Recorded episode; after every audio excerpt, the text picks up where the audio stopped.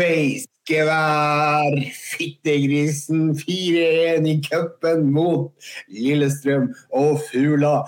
Her lukter det cupfinale. Eller gjør det det? Vi har Viking hjemme, Bjørn Einar. Jeg syns det lukter cupfinale. Det lukter cupfinale, og jeg syns jeg lukta Molde. De fikk også hjemme. Det lukter Molde på Ullevål, uten, Ja. å, uten å si eh, for mye om det. Men eh, eh, det var jo en, en kamp der hvor jeg syns at Glimt spilte veldig bra. Jeg syns vi eh, Jeg er litt mer sånn bob-bob, men samtidig det er, det er en god prestasjon. Og 4-1, Jeg syns det begynner å bli et litt sånn gjentagende resultat mot Lillestrøm på hjemmebane. Det, de, de, de, de skaper noen farligheter, men de blir rett og slett satt sjakk matt.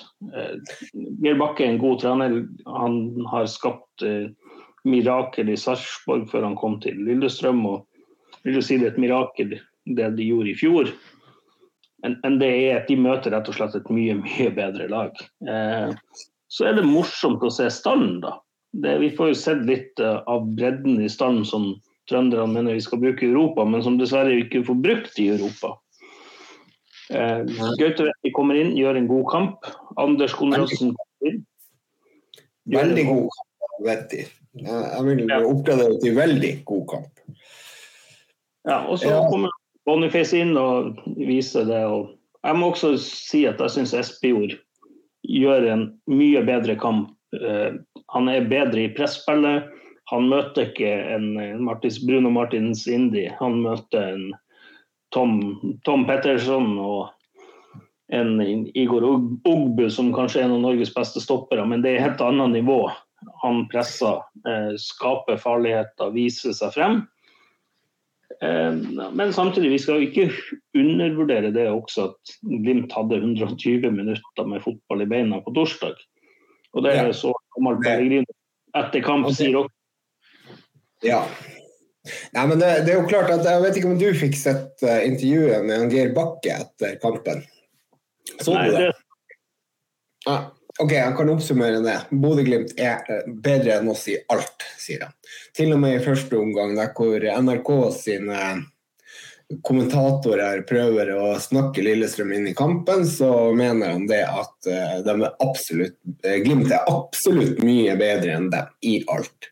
Han var skuffa over at de virka å være veldig langt unna nivået til Glimt også i år.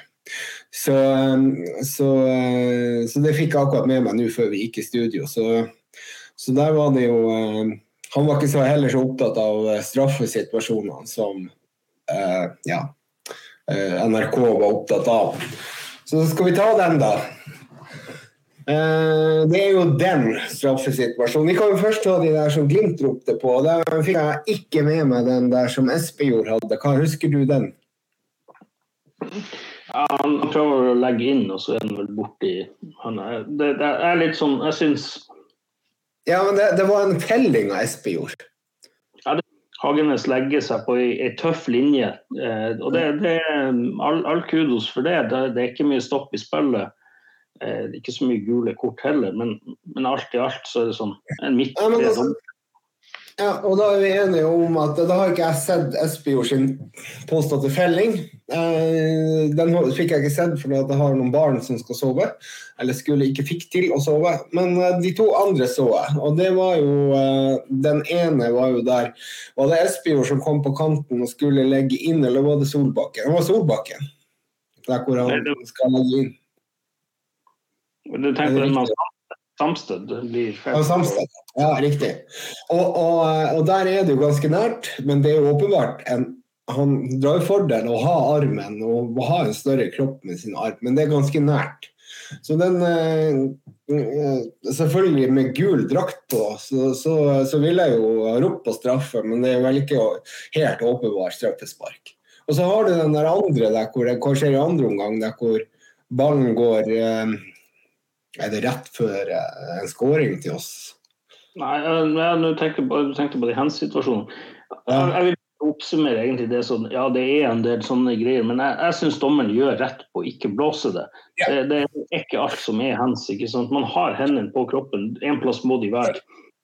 Eh, Men den siste der, det er den siste, det samme. hvor han legger seg ned på, på magen ikke sant, og redder eh, med kropp, der er det, der er det åpenbart altså der, der, der er jeg litt usikker på om faktisk om den treffer handa. Men hvis den treffer handa, så er det straffespark. Men jeg tror ikke den gjør, gjør det der. Så vi kan egentlig frikjenne dommeren på de straffesparkene til Glimt. At det, det er ikke noe åpenbare eller straffespark i gåsetegn til Glimt. Det er ikke noe åpenbare feil uh, vurderinger av dommer der.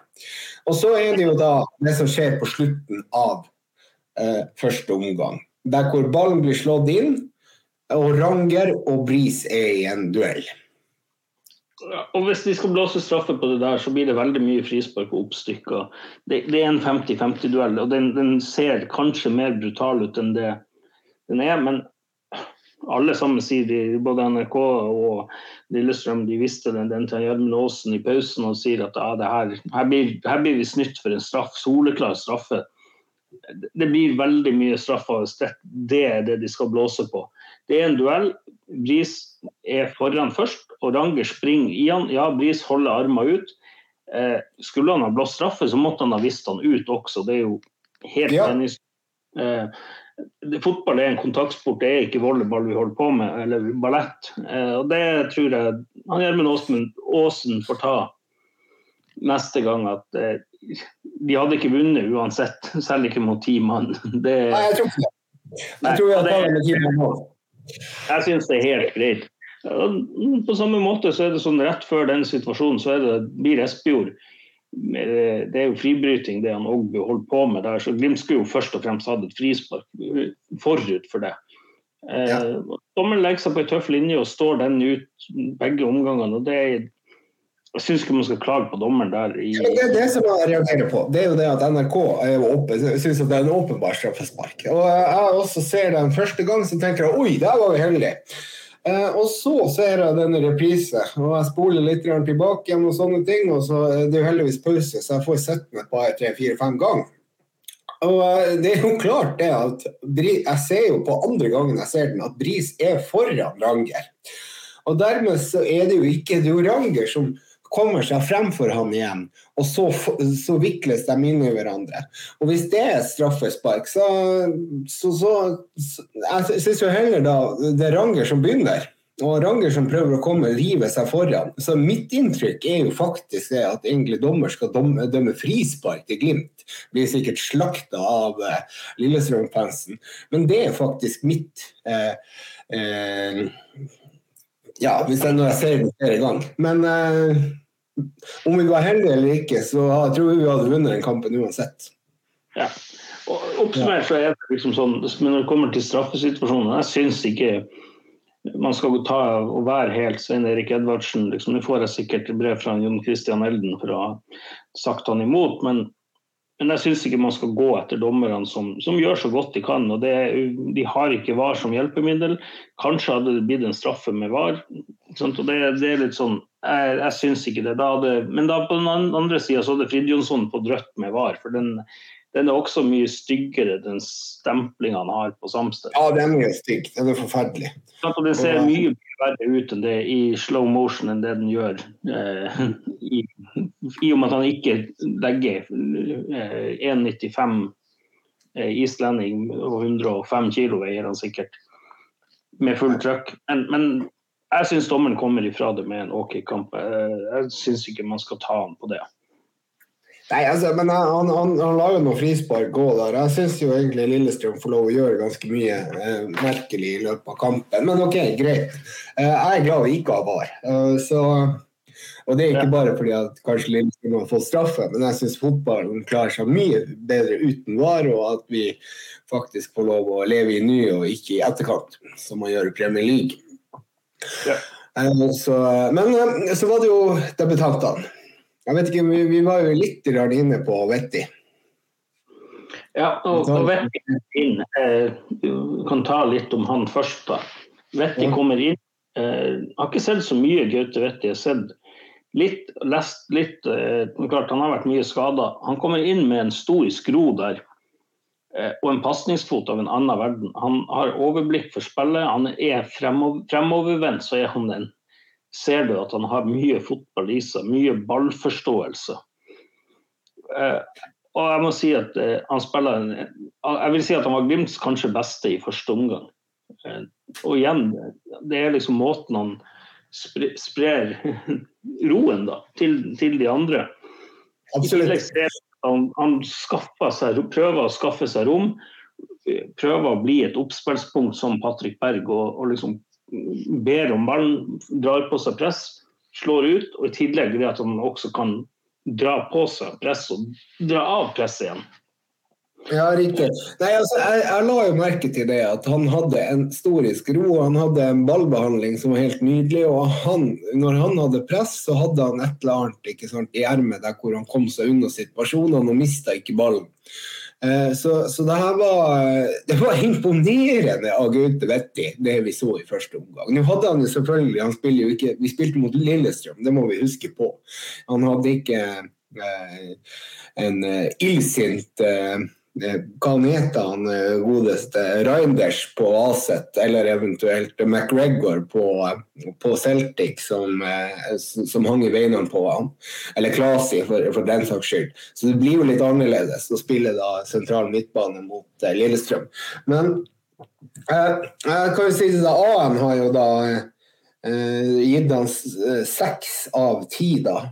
Uh, tøff i duellspillet, vant flere 50-50-dueller. Effektiv med ballen, distribuerte ofte videre til medspiller med ett og to touch. Flyttet ned som høyre stopper etter pause, løste oppgaven også der med ro og kløkt. Mer enn godkjent dette. Jeg syns han skal ha mer enn seks. Jeg syns han er oppe på sjuer, for det, det, det, var faktisk rett og slett imponerende. Jeg, jeg tror han hadde én ballmist i løpet av hele kampen. Og um, og distribuere pasninger som en gud. Det var helt rått å se når han, eh, når han treffer Pellegrino for fjerde-femte gang. Og der har jeg også lyst til å si litt om Pellegrino. Han er i knallform, altså. Hæ? Han, han virker pigg, ja. Der har du en som har brukt vinteren godt og blitt kvitt alle skader osv. Så, videre. så der, eh, hvis det er noen som skal sette opp et fantasy-lag nå, som ikke vi har klart å få til, så eh, så, så sett inn på Pellegrino. Der kommer det til å ruse inn med både mål og målgivende. Så, uh, så det, det, tror jeg er smart. Og så er det jo en annen debutant, det er jo Anders Konradsen. NRK uh, meldte vel Morten Konradsen der. Det her var nummer 15. Kommer inn og viser, viser litt av det han det han har. Jeg syns ikke han ja, setter preg på kampen, men det er vanskelig arbeidsforhold i første omgang for, for indreløperne. Vetlesen var også ganske anonym. Men han, han, du ser at han har en del initiativ. Han har en del løp inn i boks som kan bli farlig. Han har besitter mye av det samme som, som Ulrik Saltnes. Og det er jo luksus å ha en sånn spiller eh, i stallen når ja. du har en Ulrik Saltnes som er det soleklare førstevalget. Så har du en, en Anders Plassen som kan gå inn i den posisjonen som en nummer to. Ikke sant. Nei, men der, der, er, der er jeg helt enig, og jeg tror nok han han har jo litt å gå på. Jeg, jeg syns jo det at han bruker litt lang tid med ballen. Altså, han mottar, og så ser han etterpå. ikke sant? Det går ikke, og så demper han, og så, så tar det litt tid. og Det er jo det man er kanskje vant med i Rosenborg, at det ikke skal gå så fort. Så der har det litt annerledes enn hvordan Ulrik Saltnes løser den rollen. Men samtidig så er jo da de pasningene gjennomanalysert i det han har dempa den og sett seg rundt. Men det går ikke like fort, og du kommer ikke like fort i posisjoner. Men han får jo tiden også i, mot Lillestrøm, som han ikke hadde fått mot, eh, mot Reinders, Klasi og McGregor eh, i, eh, i Celtic og Aset. Så, så eh, godkjent av Anders, og kan du si det sånn at han har fått samme karakter som, eh, som Gaute i eh, AN. Og skal vi ta den kommentaren nå? Ja, du kan ta den. Ja. Viste styrke rutin, og rutiner fra start av. Gjensidig med Aspmyra. Flink til å holde motstander unna i duellene. Løp mye og la inn et budsolid inntrykk før pause. Ble litt borte utover etter hvilen og overlot plassen til Saltnes etter 72. Så jeg syns jo egentlig at de to karene der, da, dem eh, De var godkjent, og jeg syns Vetti fortjener mer enn seks på børsen. Ja, Eh, jeg enig i det. det at Vetti skal ha seks i en, i en eh, 4-1-seier. Og så skal det også sies at han, han blir flytta ned som midtstopper fordi det blir identifisert at han hvile er et, et svakt punkt. Eh, så Lillestrøm prøvde på det. De blir flytta ned for å ha en ballsikker spiller der. De regner med at det blir nok sikkert mye av samme kampbilde også i andre omgang som i første omgang. Glimt har mye ball, Lillestrøm ligger kompakt. Du får en, en ballspiller, og det der er jo Syns jeg vi så at Gaute Vetti er noe av det bedre vi har. mm. Så absolutt, eh, han spiller to forskjellige roller og klarer seg veldig godt. Absolutt.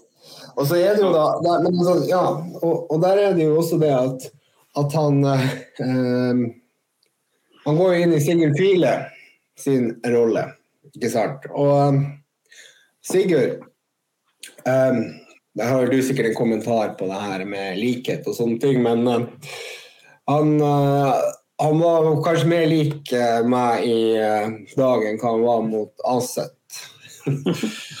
Det gikk ikke så, så bra i dag, men det er jo åpenbart mye talent. Han har jo en nydelig pasning til Solbakken, der hvor det nesten egentlig er utrolig at ikke Solbakken setter den inn. Så det er jo nesten mål. Jeg har litt lyst til å si at der, der syns jeg at Solbakken skal spille 45. Der skal han være litt mer uegoistisk, som Pellegrino var på 2-1-mål. Absolutt. Så må vi ønske velkommen til uh, Jørn. Hei. Der kom du jeg, jeg tenkte det var enklere å bare logge på her og høre på dere enn å måtte høre gjennom podkasten senere på Spotify. Ja, Først og fremst er vi Det er jo fantastisk. Hva syns du om kampen, Jørn? Hvordan er det? Jeg, jeg, syns, jeg syns den eh, Jeg fikk en sånn følelse altså, Det er lenge siden jeg hadde den der følelsen som vi hadde i 2020. At det er sånn Å ja, de skåra, ja. Ja ja. Det blir sikkert, det blir sikkert en solid seier til slutt likevel. Og så ble det hentet opp med 4-1. Jeg føler liksom at eh, eh, vi, vi, vi vant masse i 2021, men det var liksom eh, mange sliteseiere på rad. Det her var mer eh, back to the good old days. Ja. ja, men det var jo eh, jeg kan, men, men, vi, må, vi må jo også egentlig ta det her med Sondre Sørli. Han er tilbake igjen. Det var jo helt Ja, det er fantastisk godt å se Sondre Sørli komme tilbake etter en alvorlig skade. og Jeg syns han, han viser litt av prov av det han kan. Han slår noen gode pasninger. eh, Litt uvant rolle for han å være eh, høyre indreløper, men eh, de bruker han veldig rett. Men så vil jeg også skal jeg trekke frem en Boniface, altså. Det er når han kommer inn. Ja, det- var det, det var jo egentlig det vi skulle spare g- rosinen i pølsa til slutt. Kjør på Boniface. Um, Masse energi. Ja. Og det er vilje til å, å liksom, som et oppspillspunkt gjøre seg så stor han er, og det er jo ikke så rent lite. Eh, går i duellen, og det er sånn Jeg er glad ikke jeg stopper for motstander når jeg, han der karen kommer labbende innpå. Tenk deg du har stått der og spilt i, i, noen og 70 minutter og begynner å kjenne det litt sånn, og så kommer han der karen inn. Så Kan du se han der, Markus Henriksen, som jeg så det var en trønder som skrev her, at han er snart på landslaget. Når han har spilt 70 minutter mot Espejord her 3. april, og så OK, vi setter inn Boniface, da skal vi se om ikke pipa får en annen lyd. For Gud hjelpe meg. Og jeg, jeg må si det, det, det målet, det, det i hvert fall 20 meter. Der han liksom tar imot ballen feilvendt, legger ballen til rette og bare klinker til. Altså det, hadde den truffet stanga, så hadde jo stanga blitt bøyd. ja, men det er jo slegga. Det er ordentlig slegge. det er så tungt og så godt det skuddet. Det er noe annet enn hva som vi ble forevist på Aset Arena der, eller hva det heter. Men uh, der traff han ikke, men det gjorde han i dag. Og det er så tungt, og det er så deilig. Men samtidig så er det jo det. Og tidligere så har jo Boniface laga en del frispark når han får ballen opp. ikke sant? Og, og, eh, men nå gjør han ikke det. Han tar den silkemykt imot, vinner duellen og passer den videre. Og har jo tekniske detaljer som egentlig er helt enorme. Så, så det, Hvem det er en god spiller der her, hvis han holder seg skadefri og kommer seg i form ordentlig. Han er åpenbart nå i form til å spille i hvert fall ti minutter, men det, det, det var helt det, var, det, er så deilig å se at han faktisk også får det til. Det er en stor mann. Det er en veldig stor mann med ekstremt med teknikk og kraft. Men er det en bakdel for han at han er en sånn bra fyr å sette på på slutten når alle mørner opp og han kommer inn med den styrken og sånn? Altså, er, er, når, når uh, Knutsen skal velge spiss på startplass, taler det imot uh, Boniface at det på en måte er et ekstra våpen å sette inn på slutten, uh, med all den styrken og eksplosiviteten i, i forhold til Espejord? Jeg, jeg vil gjerne svare på det. Jeg tror ikke det. Jeg, jeg tror årsaken til det at Espejord Han gjorde også en god kamp. Espejord skåra et vidunderlig mål. Og var viktig på andre målet. Ja, og viktig den jobben han gjør. Og så må vi si at Espejord springer i 90 minutter. Ja, det er stort sett powerplay, holdt jeg på å si, hvis det har vært ishockey. De spiller på, på Lillestrøm sin banehalvdel, så han behøver ikke de, de løpene. Men han legger ned mye innsats eh, og tar løpene, presser. De presser keeperen. Liksom. De, Lillestrøm får ikke spille ut sånn som de skal gjøre.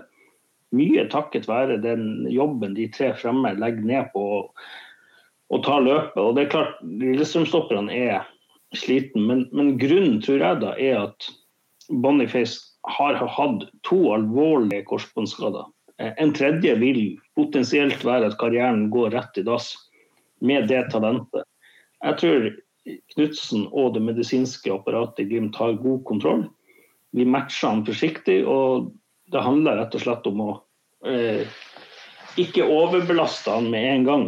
Eh, sånn at han skal ryke det en gang til. Det, er, det vil være ufattelig kjipt for en så talentfull spiller å få karrieren ødelagt pga. det. Ja, nei, men det, jeg tror akkurat det, det ligger der. Og Det, men, men altså, hvis han kan brukes da ti minutter uh, på slutten av alle kampene, så, og uh, han skårer to mål hver gang, eller ett, har en målgivende og en, og en og en goal. Han, han, hadde ikke målgivende i dag, men han har en fantastisk prestasjon helt ned i forsvar, der hvor han slår ballen over til Samsted, som fører den over banen til Ulrik Saltnes, og så setter Pellegrino den i mål. Og Der er han jo eh, svært delaktig også i eh, Er det 3-1? Eh, der hvor han faktisk er helt nede og henter ball. Så, så det er Boniface han, eh, han har jeg store forhåpninger til, men jeg tror også det er helt riktig som du sier, at det matches forsiktig. Um, er det noen flere som vi skal gå innom? Jeg var litt overraska over at Marius Høybråten starta etter den overtrukken. Var det flere som var det? Og igjen en strålende kamp av han for en midtstopper. Husk han, han får en, en, spiller som er 1,95, en, en, eh, svær islending å krige mot. Og han, jeg syns han løste det utmerket. Det, det er ja, litt overraska at han starta etter den overtråkken, men som sagt, det er litt sportstøy på restitusjonen gjør noe godt. Eh, og, samtidig han får stygg stempling òg. Den eh, mm. Sånn, han, han har en samtidig Jeg syns ja, kudos til han òg. Eh, igjen, det, det, er en solid lagprestasjon, men, men, jeg er litt enig i det du sier, Jørn. at Jeg var ikke bekymra når Lillestrøm skåra fordi at vi hadde hatt såpass mye av spillet. Ja, nei, vi var, vi var stikke gode i dag. Ja, jeg mener det. Jeg syns egentlig at vi var Det som Geir Bakke sa, vi er flere hakk over dem. Vi er, vi er selv med så mange bytter som vi gjør. Vi har ikke Saltnes. Vi, vi spiller også med hvile bak og starter med hvile bak og, og, eh, og ikke minst Vetti, da. Som vi var litt usikre på, men som, som sagt, som vi som overbeviste veldig. Så, så vel blåst og så har vi jo tørt litt på det, men det noe mer vi skal ta om, neste, om den Lillestrøm-kampen? OK oppmøte Basmyra da til slutt. Ja, altså, jeg syns det så bra ut, men, men dere toucher innom han Sondre Sørli. Men, men, det er jo en, ja. en måte, spiller som har glemt at han kommer tilbake. Laga en sånn post før kampen. Hvem gleder du deg mest til å se debutere eller redebutere? Og Du måtte du nesten hive på han Sondre Sørli, for det er jo en ny spiller i forhold til i fjor. Ja, det er jo det. Er jo det, og det, det er jo både bon, det er jo Boniface òg, da. Det er jo to solide forsterkninger vi har der. Ja, enorme, faktisk. Og da er det spørsmålet hvor, hvor, hvor Sørli skal spille den i år. Ja, vi har jo akkurat sittet og pratet om den nyheten at vi har jo Glimt har jo akkurat solgt eh, Kongsro til HamKam. Ja. Så per ja. dags dato så har vi faktisk ingen der, der, skal komme med en sum. Det er to mil, ca. to millioner kroner vi får igjen for han der. Mm. Um, sies det. Uh, og da er det jo det at da vi, har vi vel dekket alle utgifter også for, eh, for hans opphold og, og, eh, og, og overgangssummen fra det Obos-laget han ble kjøpt fra, hvor det var. Ullkisa. Ullkisa, ja. Og så I tillegg så var han jo med å safe inn at vi gikk videre i Conference League. Ja, der syns jeg jo han uh, egentlig var OK å komme inn. Så mm. Det var ikke så veldig mye delaktig i spillet der, men Nei da. Men bare, det er knapt nok har sett, ikke sant? men vi har jo hatt forståelsen at han har vært et stykke unna. Det er klart, I fjor konkurrerte han mot Bjørkan. Eh, ja. Med bris på free transfer og en høyrebent eh, en høyrebent høyrestopper som eh, utkonkurrerer ham, da, da, virka det ikke til å ha mye tillit i, i trenerteamet. Og... Så Nei, ja. det er helt, helt fair. Det, det, er litt sånn verden, fotballverden er. Ja, men, men jeg tror han kan også var en topptrent spiller, og det må jo også være verdt en del. Men, men, det er litt sånn fotballverden er at du, så lenge det ikke er noe alvorlig galt med den spilleren, så skal du skade den mer eksplisitt, så skal du prøve å få igjen utgiftene du har hatt. Ja. Eh, det er et godt salg av Glimt igjen, da. ikke sant? Og det tyder jo på at vil Sondre Sørli være plutselig vårt alternativ på venstrebekken, eller kommer det en ny venstreback inn før overgangsvinduet stenger? Vi får se på det jeg, jeg, jeg, tror ikke Sondre Sørli blir å spille venstreback i Glimt. Jeg tror han skal gjøre seg klar til å ta opp eh, plassen på høyrevingen når eh, Solbakken blir solgt til sommeren. Og jeg tror at eh, både Marius Høybråten og eh, Morten Konradsen fungerer såpass bra på, på venstrebacken at det, det er nødløsninga vår eh, hvis, eh, hvis vi mangler noen der. Og så kommer sannsynligvis Glimt til å signere en venstreback. Men jeg synes, ja.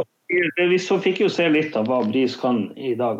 Det er fortsatt en del rufsete i pasningsspillet, men han skjærer inn og klinker til. Han er jo ikke en notorisk målskårer. Oh, den, altså, ja, den er jo Keeperen redda jo den, men det, det er jævlig nært. Eh, og det er kanskje medisin, det er jo litt sånn medisin når lag ligger lavt. ikke sant? Da man, trenger man også litt kvalitet. og det Hurtighet der, at han kan skjære inn. Skape, det skapes rom ikke sant? fordi at de fremme begynner å springe. ikke sant? Og da kommer det enten en pasning eller et sånn skudd. Eh, vi skåra Akkurat det her har vi sett det før. Av en som heter Fredrik André.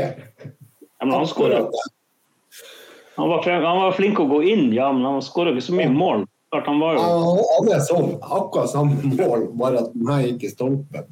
Jeg husker det der. Det var ikke så mange mål han skåra.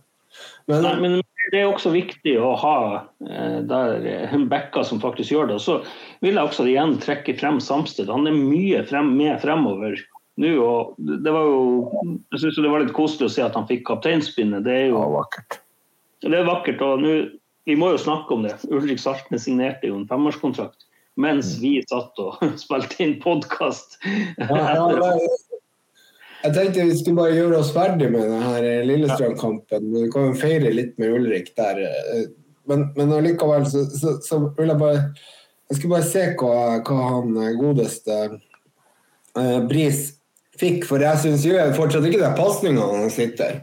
Jeg sa nå litt på, på, på spøk. Ja, han fikk seks på børsen, gjorde han vel. Ja. Men altså, jeg, jeg, sa jo litt på spøk der når han satt den i stolpen der, at kanskje han egentlig skulle legge inn. Men eh, altså, der er det litt å gå på i forhold til presisjon og egentlig konsentrasjon. Jeg tror det er der det går på. Det virker jo sånn de enkleste pasningene var vanskelig i en veldig stor periode av første omgang. Og så går det litt bedre etter hvert. Så eh, Det så vi jo mot Aset også, så jeg håper jo at, at han får det der på plass. at han jeg vet ikke om det er stress. Er det stress han, som gjør at han, han misser på enkle både pasninger og innlegg, ikke minst? Vi må huske på at han har ikke hatt mange kamper i Glimt-trøya. Altså, han er så vidt begynt uh, reisen sin. Og jeg tenker, ja, men, du, du, hva de gjorde i Sandefjord, da? Drev de ikke og traff hverandre der? Men det, det kan vel sies at det, nei, de gjorde vel strengt tatt ikke det. Men altså, når du, når du, hører hvor mye han, Anders Konradsen har å lære når han kommer til Glimt Han var jo fra ja. en, en, av de bedre middelhavsfarerne i, i Eliteserien, så, så, det er klart. Altså, vi har signert eh, den nest beste backen i Eliteserien i fjor, og han kommer til å bli veldig, veldig god i Glimt. Ja, men våre venner i, i NordicBet Våre venner i NordicBet var jo ikke fornøyd med at Anders radbrekka Rosenborg på eh, direkte TV rett før Aset-kampen. Var, var, vi innom det sist?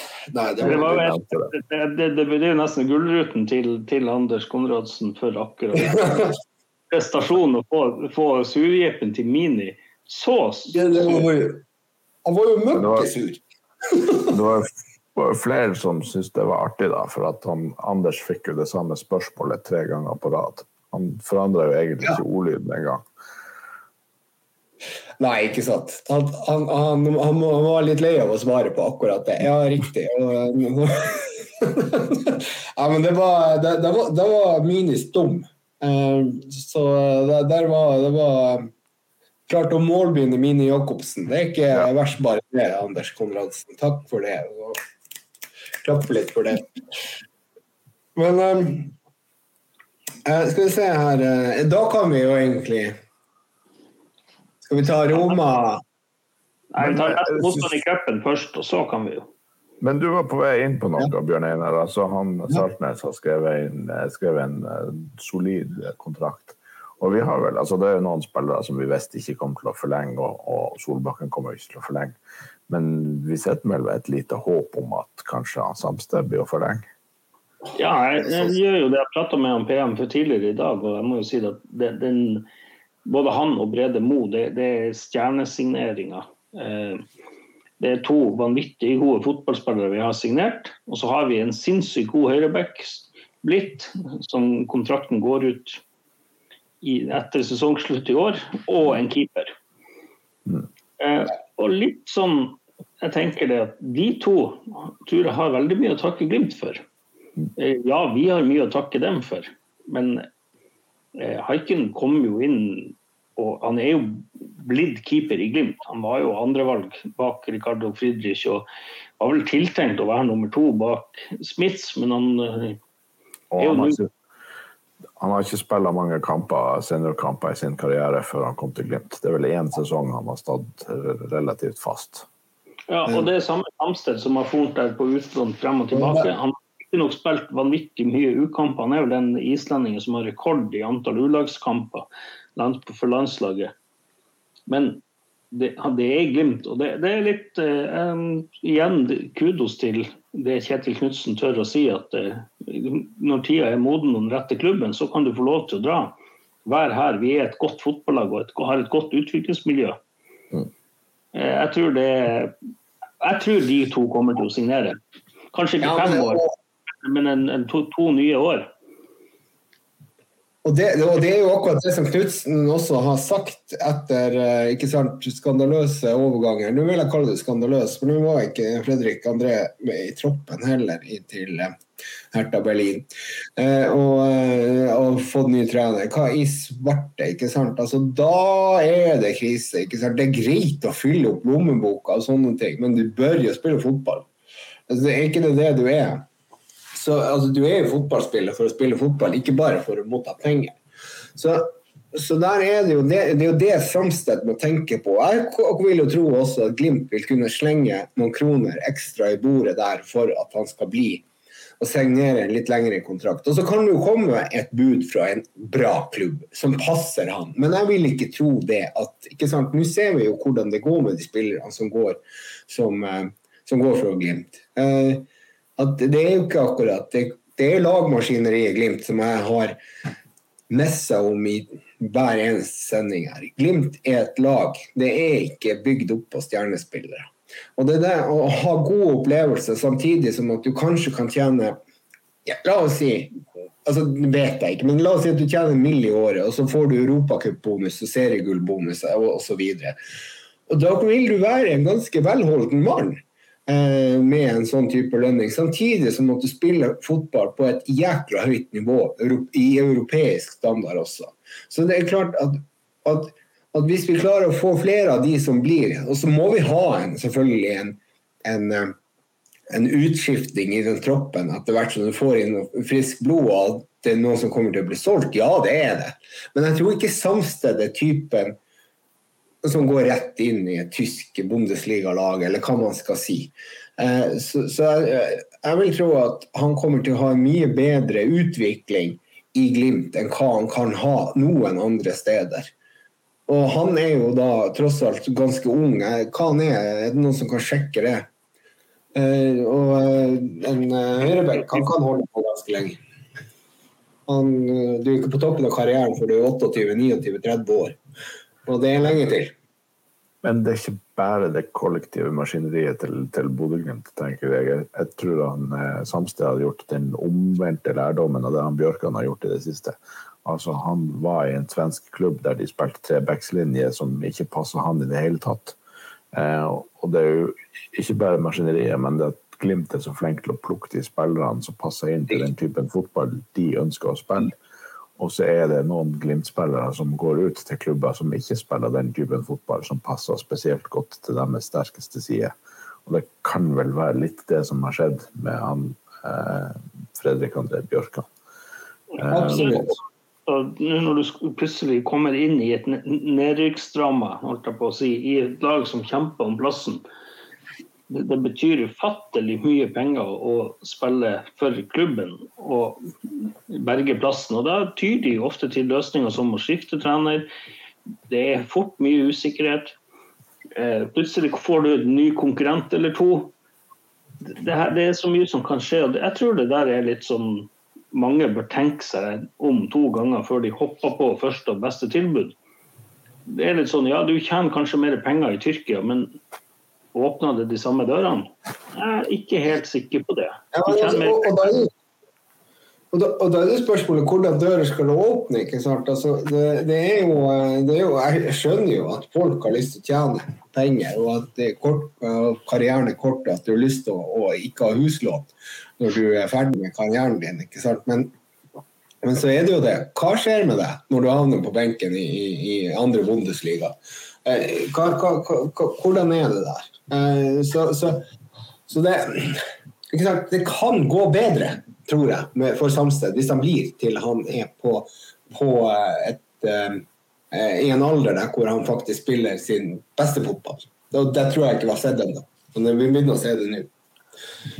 Jeg tror en annen ting også som kan gjøre at han blir altså, Vi så jo en veldig endring i Glimt sin evne til å rekruttere spillere foran denne sesongen i forhold til foran forrige sesong. Foran forrige sesong så var det en hel del spillere som Glimt var interessert i, som takka nei. For at uh, man tenkte at uh, ok, 2020-sesongen var en one-off, og det er ikke noe de kommer til å repetere. Uh, så ser vi at Glimt vinner serien to år på rad. Mye lettere å rekruttere spillere. Alle er interessert i å komme.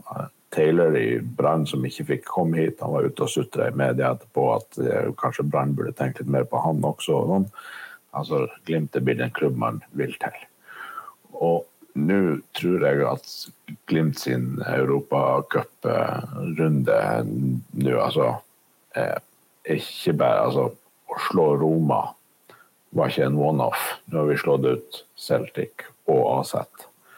Mm. Eh, jeg tror en del spillere begynner å tenke at det er på et sånt nivå at det er ikke lenger urealistisk at Glimt har sjanse til å kvalifisere seg til Champions League. Og da begynner man å snakke på et helt annet nivå. og det er jo klart, altså, Vi liker ikke å snakke om det, men det var jo et sånt lag litt lenger sør i Norge som hadde en helt grei suksess i Europa på, på 90-tallet. Og en del av deres suksess var jo at det ble så attraktivt å spille for klubben at de klarte å beholde sine beste spillere over lang tid. Og, ja. og vi kanskje begynner å bevege oss inn i det territoriet med Glimt også nå, til tross for at det er mye mer attraktivt å spille ute i verden i dag enn det var på 90-tallet. Ja, okay, ja, og, det, og det er mye mer attraktivt økonomisk. For de klubbene mm. som, som, vi kjemper mot nå, de har mye mye høyere budsjett enn hva konkurrentene til Rosenborg hadde på 90-tallet. Rosenborg var det. Jeg, jeg lette etter hvilken klubb jeg Ja, det var, det. Rosenborg. Ja. Og, og, der er det jo det, det, er jo også sånn at ikke sant eh, Altså, Roar Strand og Bent Skammelsrud og, og, og, de her som ble i Rosenborg i sin tid, de hadde jo også ganske godt betalt. Og det håper jeg egentlig også Ulrik og, og Brede har fått. Men de to kontraktene som de har skrevet nå, det er jo signaleffekt til resten av, av troppen. ikke sant? Altså, Ulrik signerer fem år. Han skal være her til han er 34. Og jeg tror han bare blir bedre og bedre og bedre. Eh, og, og, i tillegg Brede Moda. Så, så, det er jo liksom de store bøddene i, i, i, troppen som de har fått til å signere lange kontrakter. Og det er jo også ekstremt viktig for klubben. ikke sant, bare for å nevne det. Og det er jo ikke gitt at det er negativt økonomisk sett. altså I løpet av de fem årene han sagt med seg her, så kommer han jo til å oppleve eh, kanskje kvartfinale og semifinale i Champions League. Og, og, det fører jo til at han kanskje kan ta siste året i karrieren i Miami eller Los Angeles eller noe sånt og håve inn de der millionene som, som Ja, eller i India, eller, eller, eller, om han har han en drøm å spille i Japan. Ja, ja. Det kan jo være. Big in Japan. Men, men, jeg tror jo som sagt at det, det, ender fort med at de to skriver nye kontrakter. og det er her får de være med på noe de må utenfor Skandinavia for å få være med på. Eh, ja, da er det noen topplag i ja, Ta de seks store ligaene. ikke sant? Premier League utelukka. Spania? Nei. Tyskland? Nei.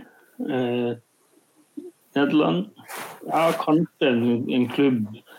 Men det blir jo fort under det AZ-nivået da er det fort Aset, under Aset, eh, PSV og Vitesse, eh, Feinord.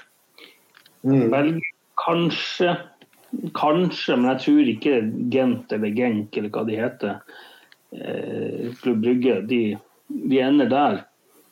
Så, så, det er jo kanskje deres sjanse til å spille Europa. Og det, ja, Du må til Malmö, men, men okay, det er en annen sits der. Jeg tror ikke de kanskje ikke passer inn i det Malmö-laget. og Det er sånn, det er jo en liten tanke. Jeg bor i Malmö. Er det lov å si det? Det er jo fullt kaos. Så, ja, nei, eh, hvorfor skal de steppe ned til å gå til Rosenborg eller Viking, eller? Nei, det tror jeg absolutt ikke er aktuelt. Eh, men de kan sikkert signere eh, for en OK europeisk klubb der de får dobla eller tripla lønna, men, men, lærdommen fra Jens Petter Hauge om å kanskje være enda litt lengre og ha enda litt mer suksess i Europa, kvalifisert til noe mye mer attraktivt senere.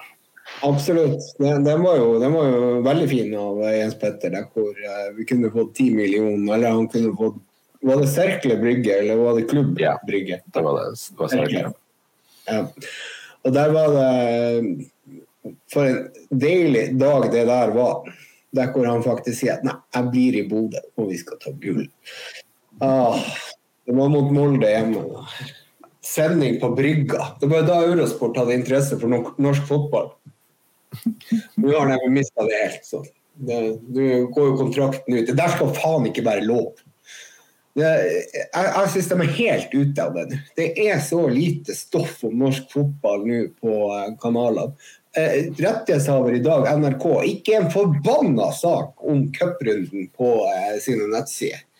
TV 2 nekter å snakke om eh, Europa League på sportssendingene sine, eller nei, om eh, ja, Europa League og Conference League på sportssendingene sine, fordi at de vil ikke sende eh, seere over til konkurrenten som er Viasat 4. Viasat 4 har ikke noen nyhetssendinger, så den sender jo heller ikke en dritt. Så det er jo, det er jo helt mørkt nå.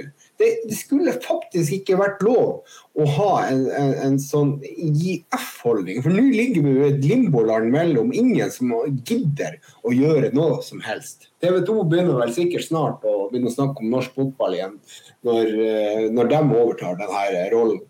Men, men, eh, eller rettighetene. Men, men vi kan jo ikke ha det sånn. Det her må jo eh, vi sitter jo her i limboland, og i tillegg Hva, hva, hva skrev A-en i, i, i, dagens avis om kampen? De, det var helt stilt hva det var en værmelding. Eh, hvordan været blir for kampen. Det var ingenting om laget. Ingenting. Jeg, jeg, sier jo det at, at, at, kanskje vi må podde hver dag for å dekke behovet for, eh, for en Glimt-supporter. For jeg trenger mer stoff. Jeg gjør det.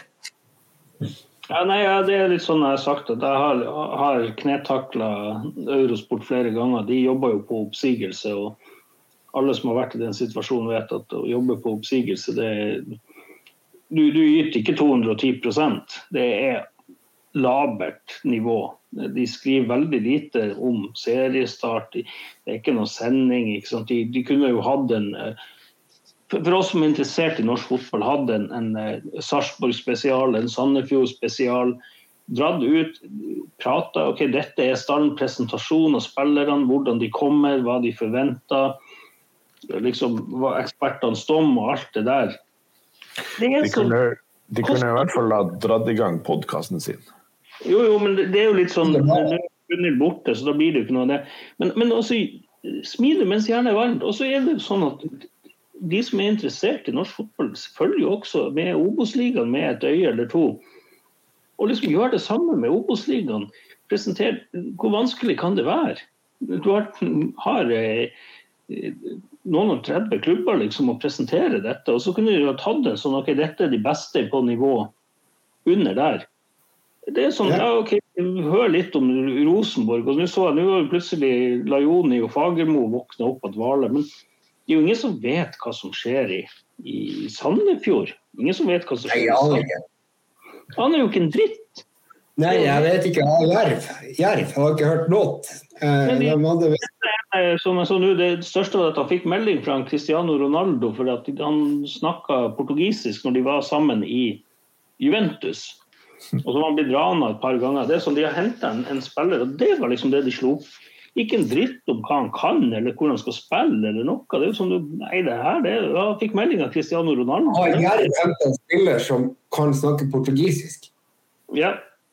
OK, veldig bra. Mm. Ja, men det var der sitter jeg med mye info. Det, det, er noe som jeg trenger når jeg skal se kamp mot Jerv. Han der! Han har spilt Eller vi vet jo kanskje ikke hvem han er heller, da, men eh, var det, det, var presentert med navn, ja. Ja, det, det, okay. Jævlig. Han sitter på benken i Nederland litt der nå, og så har han blitt rana to ganger. Så det, nei, det er helt fantastisk. Rettighetshaver, ta dere sammen, jævla idioter.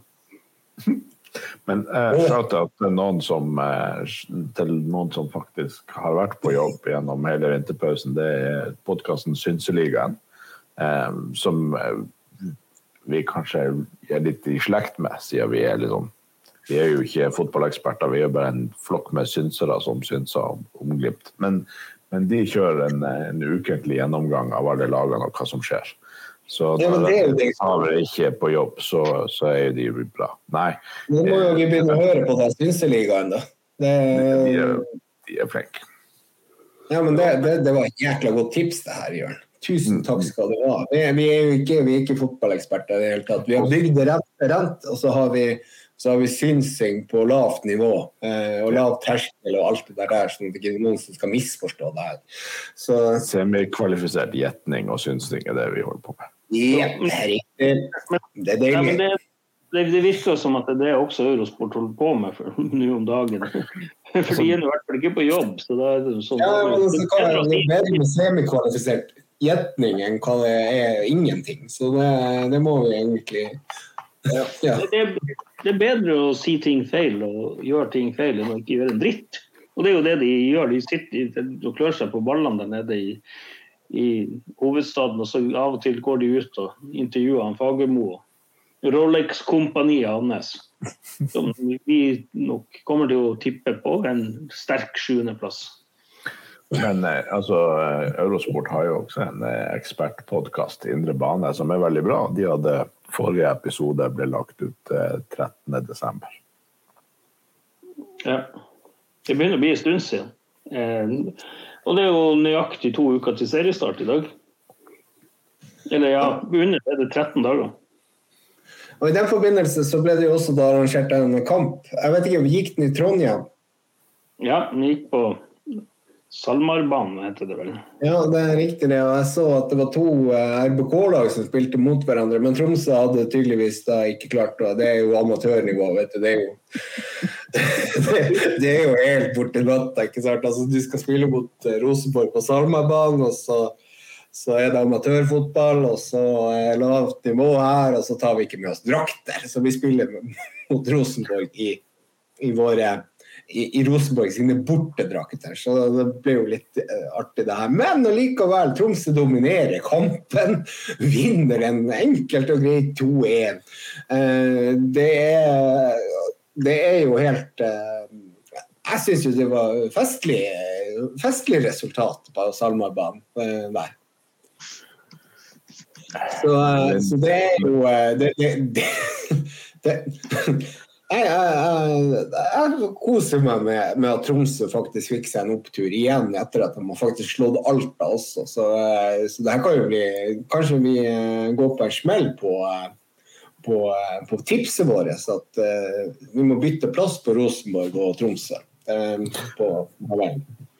Altså, Med mindre Rosenborg er liksom stinn av trening og de liksom timer det helt perfekt til å være i toppform til, til seriestart, så ser ikke det kjempebra ut for de, altså. Det, nei, jeg tror de driver og litt. Det kan være, men likevel. Eh, de, har, de har ikke hatt ei supersesongoppkjøring, de har jo ikke det. Men, én ting så er det jo litt fint at Tromsø har gitt bort en eller solgt en keeper til Molde der, som, som tydeligvis har litt uh, plasseringsproblemer i forhold til hvor han skal, hva han skal gjøre i det målet. Så uh, der klarte jo han å lage litt spenning i cupkampen mot uh, Sarpsborg. Så, så da, da Det, det, det Karlstrøm, han, han imponerte der. Mens vi henter en spiller fra Rosenborg som uh, faktisk gjør en god kamp i dag. Så uh, bra. Men dere, skal vi ta Det er litt koselig at uh, tromsingene får seg en liten opptur. Det kommer neppe til å bli mange av dem i år. Jeg tror Tromsø står med én fot nede i Obos. Det er, jeg tror jeg han, August Mikkelsen han kommer til å si Kommer vi til å overleve? Nope.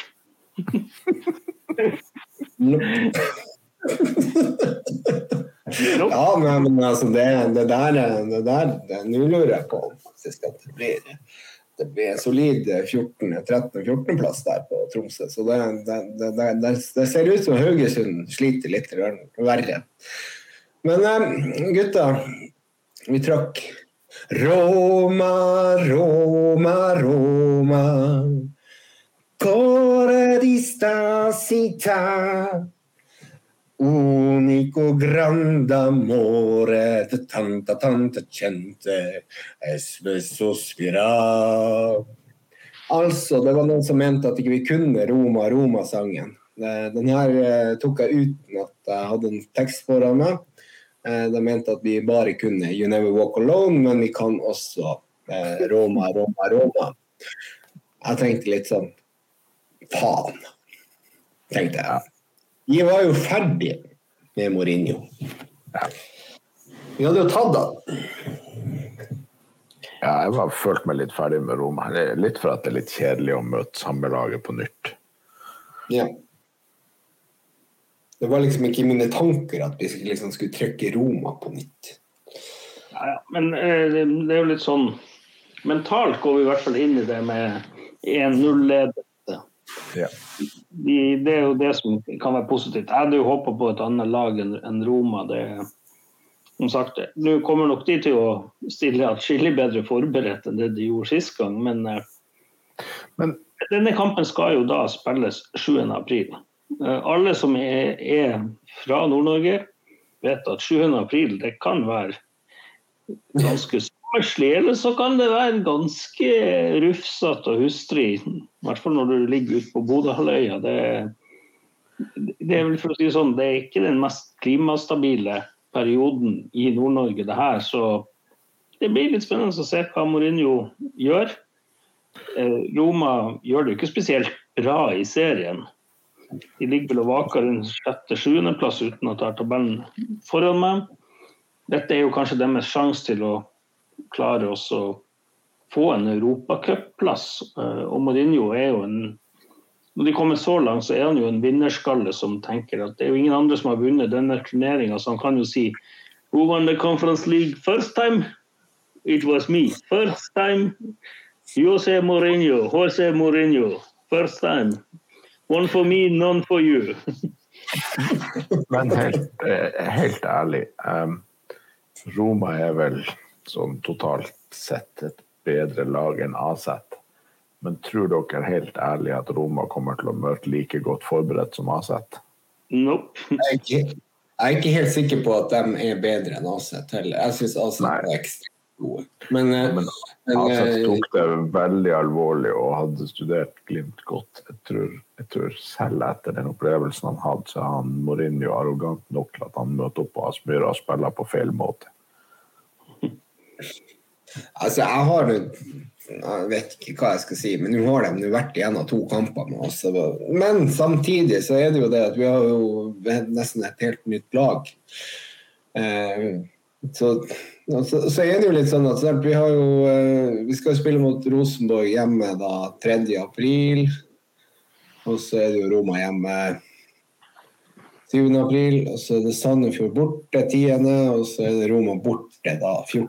Altså det begynner å bli tett her. Jeg syns det er beklagelig at den vanskeligste kampen i eh, Eliteserien har vi mellom de to Roma-kampene. Ja, det er jo åpenbart. Sandefjord borte er jo et helvete. Mm. Så eh, på Det er jo kanskje mest sannsynlig blir det å kjøre, gjøre som i fjor, kjøre ned og Ja, det Det var jo ikke noen god opplevelse i fjor der. Eh, Men da, Nei, det var jo det siste- det er siste gang vi tapte en fotballkamp. Mm. Så eh, Hæ? vi spilte mot Legia etterpå, men det er siste gang vi tapte Ja. i hjemlig serie eller cup. Ja. Det Var det noe var Legia-kampen etter? Ja.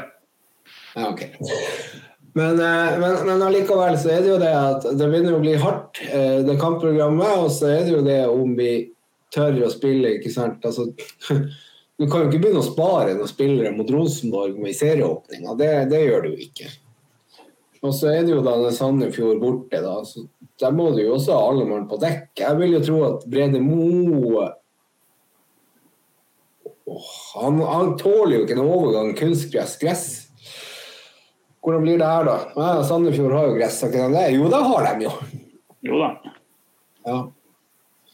Så eh, det blir Det- det ikke litt noe sånn- Jeg syns det er først når vi kommer til Vi har kampprogrammet rett foran oss her.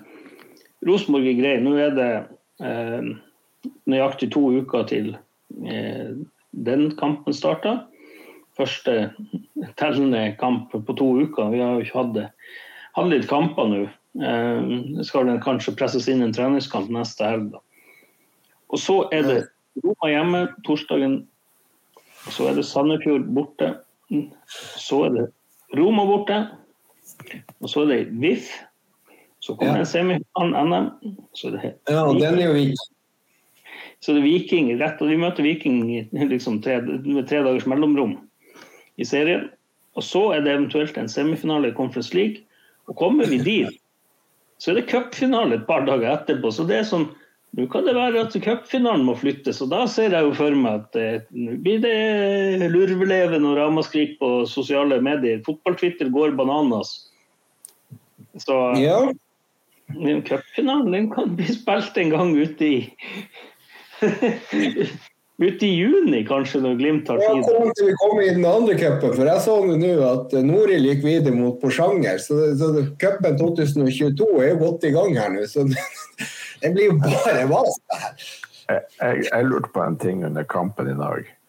Eh, jeg syns det litt artig å se på statistikk på spillere, hvor mange mål de spiller i, skåra i en sesong i cupen og forskjellig sånn. De målene som de skåra i dag, er det mål i 2021-sesongen eller er det 2022-sesongen? Det må jo være i 2021, da, for de spiller jo 2021. Ja, Når bytter vi på det? Ja, men jeg synes jo det er koselig. Runar Espejord får liksom, han røyker jo ut der for Alta, så fikk han opphold mot Alta. Så får han nå liksom komme tilbake etter at han har, han har liksom både, laget hans har både tapt og, og vunnet mot Alta. Det er jo første gang kanskje det skjer i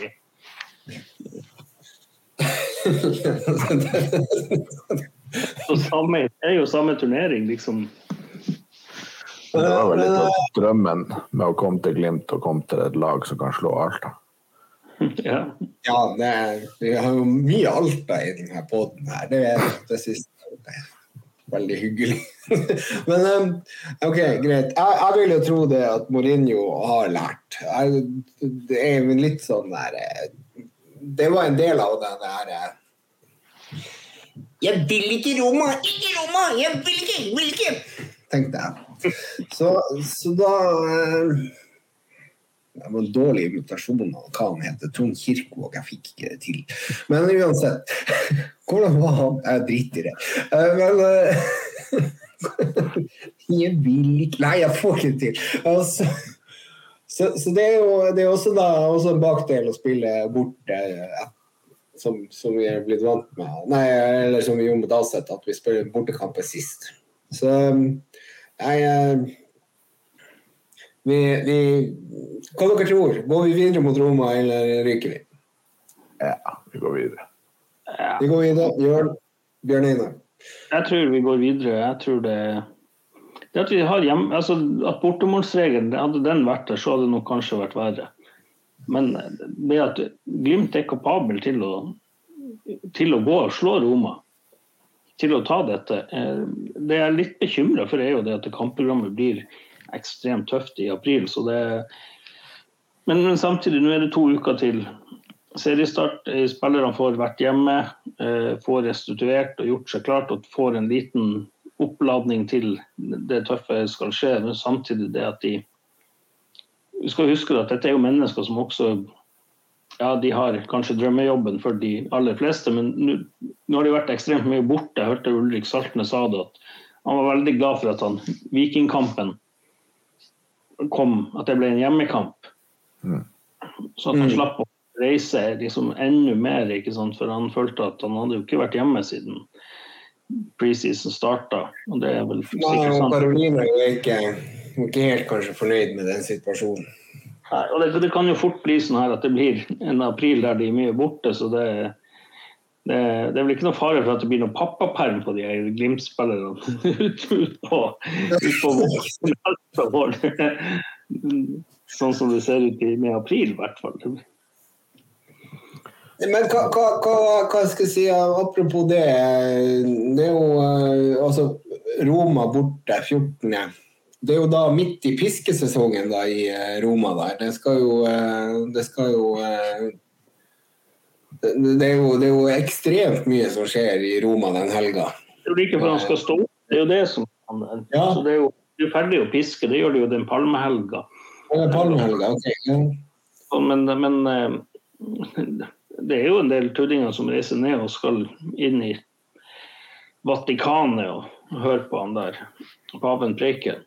Ja, da var det jo Det er det ekstremt dyrt i Roma. Jeg skulle egentlig til Roma den, den covid-påska den 2020. Det, det, er relativt kostbart å bestille så tett opp til, til en høytid eh, i Roma. Det er, relativt det, er det, er dyrt. Jeg har vært og sjekka flypriser til Roma før jeg egentlig ja, fikk beskjed av fruen at det er påska. det koker. Så det var jo det vi la ut en liten annonse der. Kanskje det er noen som kan steppe inn som, eh, som vikar i påsken eh, og gjøre de mm, daglige syslene. Men det var ikke noen som beit på den. Så naturlig nok. Men Men, men, altså, men, men det, det, er personer der. Men det, det, er jo fordelen er jo det at det er mange som kan reise pga. at man har fri. Men det, det, blir nok en, en dobbelt så dyr reise. Så det er bare håp egentlig at det kanskje de fyller opp noen charterfly fra Bodø. Ja. Men, ja, men, men, men, en ting som vi snakka om om Trond, og det må jeg bare ta sånn at jeg kan komme på det, eh, det er det at sant, Glimt har jo veldig mange bortesupportere, som vi sa. Ikke sant? Vi ser vi så i Roma 2000 mennesker, ca. var det over 1000 i eh, Glasgow, kanskje 15 Nei, hvor mange var det der? Sånn, 900 ca. 900, ok. Altså var det 1000 i i på Alkmaar, i Alkmaar. Sånn 900 eller og, og, det er jo også det at Glimt har en ganske stor supporterskare utenfor Bodø. Vi har glemt, nevnt Glimt i sør, da, men eh, det er, det er, mange som reiser fra hele landet. Og Derfor så får du også de oppsamlingene av folk i, eh, i utlandet. For det er liksom billigere å reise til Glasgow enn å reise til Bodø eh, for ganske mange. Og det, og det, må vi også ta med i beregninga i forhold til det. Så, så, så det, det, som er spesielt med Glimt, det er jo det at det er ganske mange supportere rundt omkring. Og vi så jo bl.a. også at det var noen supportere som faktisk er utenlandske også, både fra Frankrike og fra England, altså Liverpool, eh, som, som, følger Glimt nå fast på bortetur. Så, så, så, det er jo også litt, eh, litt artig. Da, da, jeg, eh, da jeg var på Romakampen, så sto den norske ambassaden, eller halve den norske ambassaden i hvert fall, bak meg på, eh, på stadion. Så, ja, det er jo fint å ha den norske ambassaden i ryggen når du er på en sånn kamp. Absolutt, men jeg tenker det nå er det jo sikkert veldig mange nordmenn som hadde planlagt å reise på påskeferie til Roma. Så kan de få en fotballkamp i tillegg. Det er jo litt av en bonus. Jeg så det var en journalist i Han var vel gjerne sånn jeg vet ikke hvor du kan kalle deg journalist når du er så partisk, men de, de er gjerne det i lokalavisene. Men en trønder som hadde lagt bestilt seg kjærestetur ned der, og han kom til å klikke hvis han fikk dæven det her, så Marius Dahl blir 'coming for you'. Er ikke det hele Bodø is 'coming for you'? Må jo gå an å finne ut hvilket hotell han skal sove på. Det er, for å si det sånn, det, det, er jo bare å bestille seg kampbillett for Marius, og så skal du se det at han kommer han til å høvle over eh, i Rosenborg når de kommer på å lande inn buklanding på femte, sjette, sjuende plass der. Så se hvor vi plasserer de på tabelltipset. Men altså at, at uh, det skal være så vanskelig å slå ut Roma for at nå har de lært å ta det seriøst og sånn. altså hørte jo ikke annet i løpet av eh, tida mellom eh, hjemmekampen og bortekampen sist at nå når vi kom til Roma, så skulle vi få den endelige hevnen. Og skulle vi maltrakteres, og ydmykelsen i Bodø skulle, skulle eh, gjengjeldes. Men det klarte jo ikke da. Jeg tenker absolutt at dette er et lag som det er mulig å slå ut. Stor klubb for all del, men jeg tror ikke de blir å ta oppgaven like seriøst som Aset gjorde. Og det har mye å si. Absolutt. Eh, men eh, hvordan, er det, hvordan ligger det an? Skal vi lese opp noe Vi har jo, igjen glemt å si ifra at vi skal ha sending. Vi blir jo spontane igjen rett etter kamp, så det blir jo sånn her fremover. Men eh, er det noen reaksjoner på Twitter etter, etter at vi har gått videre? Hva sier LSK-gjengen? Er de sur for straffespark, eller hvordan er det her? Er de på Twitter? Ja. Eller andre steder. Så jeg skal bare sjekke Nei, altså det, det virka som at de, de, var glad for at vi ikke hadde VAR. for de, de, var litt bitter på å ikke få straffa, men samtidig de var glad at ikke de ikke fikk VAR. Lillestrøm er jo en av de klubbene som har gått og sagt at uh, de er motstandere av VAR. Uh, at de, det liksom ikke var VAR som ga dem eh, straffe. Riktig. Så, Nei, men uh, Harde mottak, da. Uh, de har tatt en overskrift da, fra jeg tror det er Hva det heter lokalavisa der i, på Romerikes Blad. Romerikes Blad. RB. Vi må, her er overskrifta. Vi må ikke snakke om at det er umulig å slå Bodø-Glimt. Og så har da Harde mottak svart jo, det må vi faktisk. For det var umulig. Ja, men, men jeg synes faktisk de var jo, det var jo greit med folk som kom, kom opp der med tanke på tidspunktet. Det syns jeg Lillestrøm-fansen skal ha. Jeg er litt, litt forundra over at de syns det var så sterkt lys at de måtte stå med solbriller. For det er jo ikke behov. Det er klokka åtte i Bodø en sen marskveld. Ja, hvis hører, men hvis du hører naboene på Aspmyra, så er de ikke så glad i det der eh, i det her eh, flomlyset. De, heller, de går med solbriller inne der hver gang det er kamp. Så det kan faktisk være flomlyset. Vi trenger ikke å sette Jeg tenkte jo det, at det var Glimt møtte opp med litt sånn blendende spill for å dra de tørre vitsene. Liksom ikke, ja, de ble blenda når eh, blenda av liksom den europeiske storheten Bodø-Glimt skal spille. Det, her kan vi dra mye, mye dårlig humor. Nei, men den, den, den er Sånn, men, men, men eh, og så skal vi se hva, hva de her, her Glimt-kontoene har skrevet, da, hvis du skal hva er Glimt i Steigen Jeg, jeg sjekker Glimt i Steigen, så kan du sjekke de andre hjørnene. Nå er du liksom sånn som han eh, Raymond. Ja, jeg er liksom Raymond inne i Reykjavik. Men hva, hva det, er det bra stemning på Twitter? Rorbu Tromsø veldig overraskende dårlig på å ta en spøk. OK, greit, de har sagt at Runar Espejord ligger, ligger eh, an til å ta familien Espejords første eh, første cupgull. Det stemmer jo ikke, for faren eh, Lars har vel det er fra 86. Det er vel, eh, det er vel der det ligger. Det, det har blitt en liten disputt her. Um, ellers, hva vi ellers har her? Har Glimt av verden kommet med noe? Nei, han eh, Kjetil Knutsen var jo opptatt med kampen. Opptatt av å spille kampen?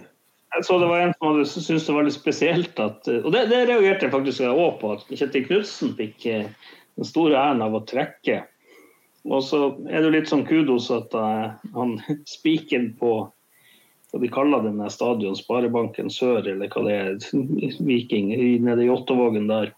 Spenn han tweeta dette før kampen, spent på hvem av, eller underveis, da, spent på hvem av Molde og Glimt som får henholdsvis Viking og Godset hjemme i semifinalen. Så kommer han Per Angel Berntsen og sier at det er varme og kalde baller.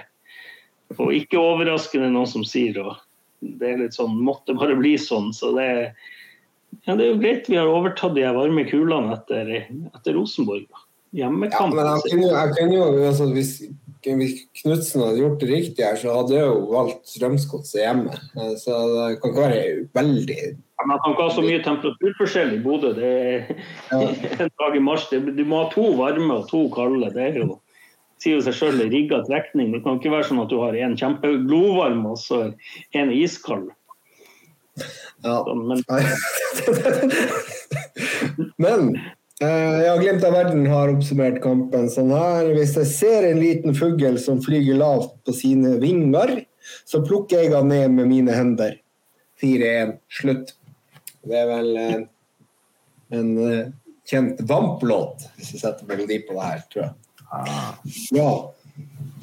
Um, så um, jeg synes, jeg synes det, det ene jeg har lyst til å gi det var en, en, som heter Magnus Polden på Twitter. Han er Lillestrøm-fan, så jeg kunne visst å følge han. Se på Aspmyra, fy faen for et opplegg. Fullstendig Superbowl. Superbowl hver jævla match. Plastikk. Altså, det kommer fra Lillestrøm. Altså, gå inn på profilen hans og så se. Og så ser du på bildet liksom der de står på Ullevål og spiller en, en halvfull treningskamp mot eh, Vålerenga, eller om det er seriekamp eller noe med masse pyro og gul pyro, liksom. Og det er sånn Legg deg ned. Er, legg den fra deg. Det er sånn, Hvor mange var dere som tok kampen opp, og de sto med solbriller på? Skjerpings. Men da, da, skal vi avslutte snart. Men jeg må ta opp én ting. Og Det var Bodø Nu som hadde en sak eh, angående det her ølkastinga, som vi syns er kjempegøy. Eh, da var det jo det var jo det ene og det andre. Skulle politianmeldes og stenges ute og alt det her. Hva dere tenker om det her? Er, det, er, vi, er vi, kommet inn nå i en sånn her Altså, de mente at vi, vi, er på fotballkamp og ikke på en rølpefyllefest. Um, jeg syns det er med ølen, men det var tydeligvis nei, nei der òg. Jeg, jeg, finner ikke noe farlig innen øl. Okay. Nei, men det, det er litt sånn, Jeg, jeg syns, syns, man skal ikke altså det er litt sånn, Hvis det er noen som bevisst har stått og pælma etter journalister, det syns jeg og uvit, at det, det, det, går opp i de, den fremste gjengen der, så, så, så, er det litt sånn OK, det, det er fine. Eh, men, men, hvis du begynner liksom å drefse det ut på banen eller inn etter journalister eller eller sikkerhetsvakter eller noe sånt, for de er ikke en del av eh, de som reiser og feirer med oss. Eh, så det er litt sånn som, som, Det var jo en som bergenser som hadde tissa på en journalist i fjor. Oh! Det, det, det, er jo litt sånn Hvis du da står rett foran og en fotograf hadde vel, ikke sant, og står der, så var det en som hadde tatt frem utstyret og bare slått lens på han. og det de er på jobb, la de være på jobb, så kan de som Var ikke det i Sandefjord? Jo. Så det er liksom, ikke, ikke, la det gå utover noen andre. Liksom. hvis det går sånn ufrivillig Hvis det er sånn at alle, det skjer veldig mye som at det er en festival på tribuner, hold det på tribuner. Men, men jeg ser ikke det store problemet. Jeg er selvsagt enig. Altså, du, du, du, trenger jo ikke å kaste det på andre. Og du, du, du har jo da muligheten til å begrense denne spruten litt rundt omkring. Men um, men det var mye greier der. Og uh, nå er det mye Nå skal det liksom være mye ordentlig. Så, Nei, men altså Det, må være grenser hvor hva man skal klage på. Det er en spontan gledesrus. Altså, jeg var tilfeldigvis i, i parken i, i, Danmark og så uh, da det var straffekonkurranse mellom Danmark og Kroatia i, i mesterskap. Og hver gang Danmark skåra i den kampen eller redda en straffe, så regna det øl på oss alle sammen. Ja, og det må man sånn egentlig regne med. Ja. Det, hvis, ja. hvis, du ikke tåler andre mennesker, så får du flytte Jan Mayen eller se kampen hjemme. Ja. Jeg syns i hvert fall øl er fortsatt bedre enn bluss. Ja. ja, absolutt. får, jeg, får jeg få J-feltet på nakken der. Men uh, det tåler jeg. Um, så ellers så, så, tror jeg egentlig vi har vært gjennom det som vi hadde på agenda, hvis ikke det er noen som har noe helt på slutten. Vi kommer til å ha mye å snakke om framover. Det er mange spontanpodder i seiersrus. Ja, det, vi, også, vi, kommer til å poste litt sånn Noe må vi ha som oppbygging både før seriestart og det kan jo være at det blir noe der. Det er to uker til, til neste kamp. Jeg så Glimt hadde avlyst treningskampen mot Molde. Så vel kanskje ikke noe sportslig utbytte av det. men eh, De finner sikkert på et og annet. Men, men eh, ja, det blir vel eh, kanskje noen spontan på det også, hvis vi fortsetter sånn som nå. Vi er på vei både til Tirana og Ullevål og Ikke Tirana. Ikke Tirana. Nei, der men Mari Felgå og gjengen kan få lov å være i fred og se stålflom. Ja. Det, det, hadde vi vært før. Vi vært på vei til Rana. Men, men en ting. Um, jeg tror vi skal ta en liten runde på det her med økonomi i fotball. For eh, økonomi og Fifa og alt det der der. Uh, i, i, en av de neste episodene. Så der har jeg så mye på hjertet at jeg kan ikke ta nå. Men uh, det må skje en endring i fotball. Det er det jeg kan si. Er du enig, Jørn? Det tar vi opp i neste runde. og Hvis noen har Hvis noen har sterke argumenter for at vi skal slippe privat kapital inn i fotball, så må dere gjerne skrive det nøye ned på et ark, og så kjøre det inn i makuleringsmaskinen.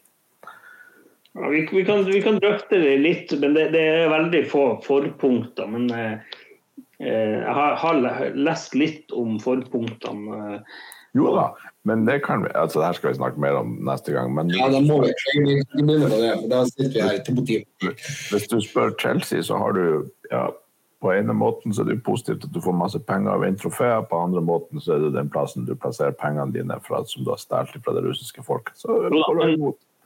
Det er litt sånn at når jeg gikk på skole og lærte at man skulle drøfte ting, og så er det sånn Det er jo ikke dermed sagt at jeg er enig, men, men jeg ser at det kan være noen positive ting med å få eksterne eiere, men samtidig prinsipielt så er det mot all grunntanke til norsk idrett. Det, det er til grunntaket til all idrett. Ja, ja, det er eneste styret der. Men det må vi ta en annen gang. Jeg eh, vil også si det at eh, alle fugler små de er, skyter vi med Boniface-gevær. Takk for oss. Takk for i dag.